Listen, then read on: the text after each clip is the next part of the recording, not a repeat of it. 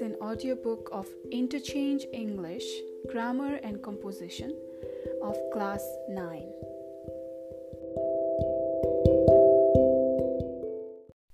Chapter 29 Paragraph Writing, page number 280. Here is a paragraph written by a ninth grade student.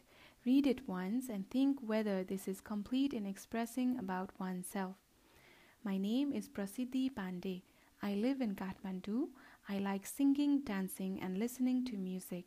My parents and teachers say that I'm good at study and I'm polite, and my friends say that I'm very funny.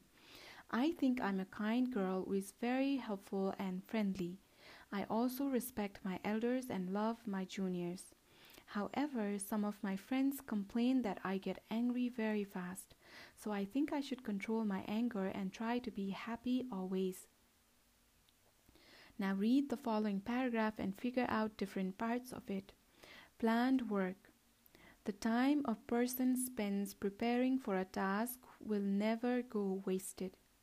This is the topic sentences. What will be wasted is the time people spend correcting mistakes in a poorly planned work. In her book, Success Step by Step, efficiency expert Caroline Jefferson says uh, the old adage is true most people who fail to plan to fail. Poorly planned tasks leave people wondering how they should proceed, so they spend their time addressing small details instead of working on big issues. At the end of the work, they have no time, lots of stress, and considering the work and the, the hours spent on the task, they have little to show for it. This, this is supporting details. Thus, a well planned action never goes undone. This is the concluding sentence. The piece, a piece of writing that usually um, consists of several sentences and deals with one main idea about a topic. A paragraph usually opens with a topic sentence which tells the reader exactly what the paragraph is about. This is developed in the subsequent sentences called the supporting sentences. The sentences lead naturally and logically to the concluding sentence which sometimes summarizes the ideas stated in the paragraph. In some paragraphs, the concluding sentence serves as the topic sentence. The topic sentence may also appear in the middle of the paragraph. An effective paragraph has unity because every sentence is directly related to the main idea. It has coherence in that its ideas are arranged in a logical order. It is complete or self contained with its focus on the central idea. Writing Spotlight An effective paragraph. An effective paragraph is a group of related sentences which develop one main theme or idea. Has unity, it discusses only one idea. Has coherence, the idea is developed in a clear and logical way. So, how do you write an effective paragraph? A. Plan your paragraph. Decide what the main topic of the paragraph is going to be. Write down information and ideas relating to that topic. Figure out how you want to structure your paragraph. Number B, write your paragraph. Write a topic sentence. Fill in the supporting details. Write a concluding sentence. Know when to move on to a new paragraph. Required if you are writing more than one paragraph. Number C, review your paragraph. Check your paragraph for spelling and grammar. Check your paragraph for coherence, smooth flow, and style. Decide if your paragraph is complete. A paragraph is unified when every sentence develops the point made in the topic sentence. It must have a single focus and it must contain no irrelevant facts. Every sentence must contribute to the paragraph by explaining, exemplifying, or expanding the topic sentence. In order to determine whether a paragraph is well developed or not, ask yourself what main point am I trying to convey here? Topic sentence, and then does every sentence clearly relate to this idea? The last sentence of your paragraph is important and it often restates the idea expressed, expressed in the topic sentence. Now read the following paragraph and identify its three main parts as indicated below. Topic Why I prefer jogging to other sports. There are three reasons why I prefer jogging to other sports. One reason is that jogging is cheap. I can practice it anywhere at any time with no need for a ball or any other equipment. Another reason why I prefer jogging is that it is friendly to my heart. I don't have to exhaust myself or do excessive efforts while jogging. Finally, I prefer this sport because it is safe.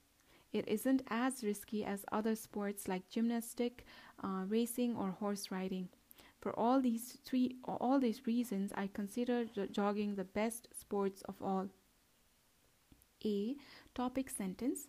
There are three reasons why why I prefer jogging to other sports. B supporting details.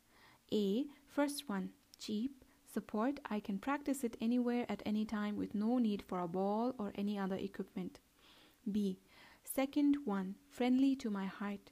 Support, I don't have to exhaust myself or do excessive efforts while jogging. 3. C. Third one, safe. Support, it isn't as risky as other sports like gymnastics, racing, or horse riding. C. Concluding sentence.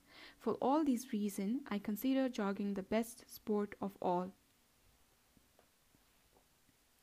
Show what you know. Number one, fill in the gaps in this paragraph.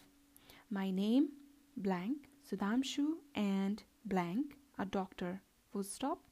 My blank is Campus Chowk, Biratnagar, and my blank is 021536660, full stop. Blank, 35 years, blank, and I'm married, full stop. My daughter comma Apsara comma blank 6 full stop. My wife comma Eliza comma is English. Full stop. She blank a lawyer. Now comma follow any one of the paragraph above to write a short paragraph about your father or mother. Now complete the following paragraph. Add at least one or two sentences in each blank space. Blank give a title there. I like cats for three reasons. First, they are friendly. Blank. Next, they bark when they see strangers. Blank. Last, they are faithful. Blank. That's why I like dogs. Number two, write a paragraph on Tribhuvan Highway with the help of the given outline. Birganj, Kathmandu, 179 kilometers. Tarai, Sivalik Hills, Mahabharat Range, highest point 2500 meter 1953 to 1956 black topped king tribhuvan assistance india. 3 write a paragraph on disabled people cannot do what normal people can do. Number 4 write a couple of paragraphs on gender equity. Include the following points. Importance of gender equity. The ways to achievement. Support to the development, future prospects, etc. Number 5. Write a couple of paragraphs in about 100 words describing how you will tackle the problem of drug addiction among teenagers. Number 6. Write a couple of paragraphs on the role of young generation in nation building. Number 7. Write a paragraph on English language. Use the following clues English, international language, language of contact, books and print in English, compulsory select in English in school, good points, bad points, conclusion. 8. Write a paragraph on discipline with the help of given clues. Discipline, an ornament, good manners, liked by all, progress in study, good citizen, conclusion. Number 9. Write a paragraph in about 100 words on the basis of given clues. Tel- telephone as a means of communication. Talk to anybody you like. Work faster and easier, but much money spent spoils freedom. Number 10. Write a paragraph in about 100 words on the basis of given clues. Television as a powerful means of communication, visual aid for transmission of ideas, means of entertainment, Sometimes, as a means of vulgarity, children get addicted. 11. Motorbike as a means of rapid travel, easy and comfortable. Traffic congestion does not obstruct its path, cheap for fuel, but sometimes terrible accidents. Number 12. Write a paragraph on the basis of following clues. Pen as important educational instrument can be used for writing, creates poems, laws and essays, but sometimes can be used to write vulgar things, should be used properly. Number 13. Look at the pictures below. Write suitable instruction to describe the pictures. Uh, first, stand uh, with your feet apart and your arms at, the si- at your side. Then bend down and touch the ground with your hands. Do not bend your knees. Touch your toes with your fingers. Do not bend your arms or legs. First, sit on the ground with your legs straight out your arms behind you and your hands on the floor. Cross your left leg over your right leg. Now put your ha- right hand on top of your head.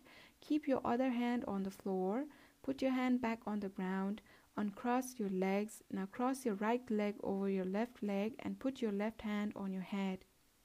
With this, chapter 29 have ended at page number 284.